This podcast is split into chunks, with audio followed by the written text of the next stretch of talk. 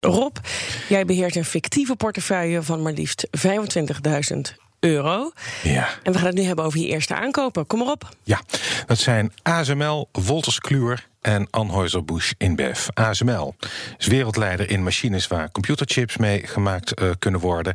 Ook uh, bijvoorbeeld in smartphones uh, zitten. Technologisch zijn ze zo ver dat ze bijna een monopolie hebben. Nou, dat leidt tot hoge winsten en wat mij betreft een must-have voor een beleggingsportefeuille. Wolters Kluwer, dat is een beetje een saai bedrijf, maar net als ASML heel erg winstgevend. Mhm. Vroeger was dat natuurlijk vooral een uitgever van juridische tijdschriften en andere vakliteratuur. Ja. Doen ze nog steeds. Is dat juist ook niet heel fijn dat het een saai bedrijf is? Ik bedoel, Ja. dan- het hoeft niet spannend te zijn, als je, want je belegt voor de lange termijn. Hè? Dat klopt, dat is inderdaad eh, absoluut waar. Het is een mooie, eh, het bedrijf heeft een mooie kasstroom, zoals dat heeft. En saai en een, inderdaad, een, ja, eh, mensen die in die sectoren werken, die zijn vaak aangewezen op die, eh, op die uitgaven. Tegenwoordig meer digitaal natuurlijk dan de tijdschriften. Daarnaast trouwens maken ze ook heel veel software, ook voor accountantskantoren en dergelijke. Levert ook weer educatie op waar geld voor vragen. Nou, prima eh, past dat inderdaad in de lange termijn eh, portefeuille. Anheuser-Busch InBev, dat is de grootste bierbrouwer ter wereld, weten de luisteraars wellicht. Eén op de drie biertjes in de wereld komen van AB InBev.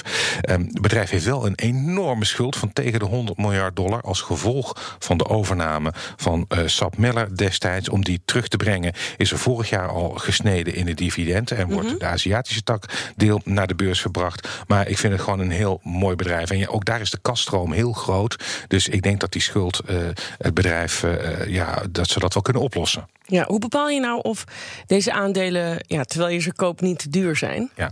Ehm, nou, om maar heel eerlijk te zijn, deze eh, drie aandelen zijn alle drie best duur. Die zijn aan de prijs. Een belangrijke maatstaf is de koers-winstverhouding. Hoeveel keer de winst betaal je zit er in de prijs van één aandeel? De winst per aandeel. Hoeveel keer gaat die eh, in een aandeel? Nou, hoe hoger dat eh, getal, des te duurder eh, het is.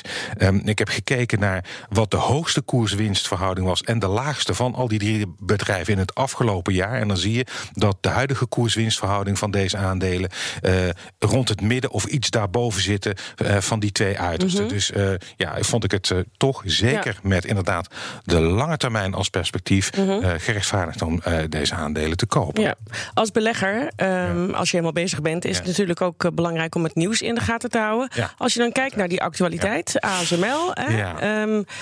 Levert dat problemen op? Het nieuws rond Huawei bijvoorbeeld? Ja, daar, eh, dat is inderdaad. eh, De, de hele techsector staat lager. Maar ik denk eh, ook hier met de lange termijn in, in, eh, in het vooruitzicht. En als je kijkt naar hun positie. Als mensen bijvoorbeeld hun Huawei-telefoon inruilen. dan nemen ze een andere smartphone. En daar zitten ook chips in die hoe dan ook met ASML-apparatuur is gemaakt. Dus hun positie is zo Het is ook goed om te weten, dus lees je Ja. goed in het bedrijf, weet wat ze ja, doen. Precies. Ja. Ja.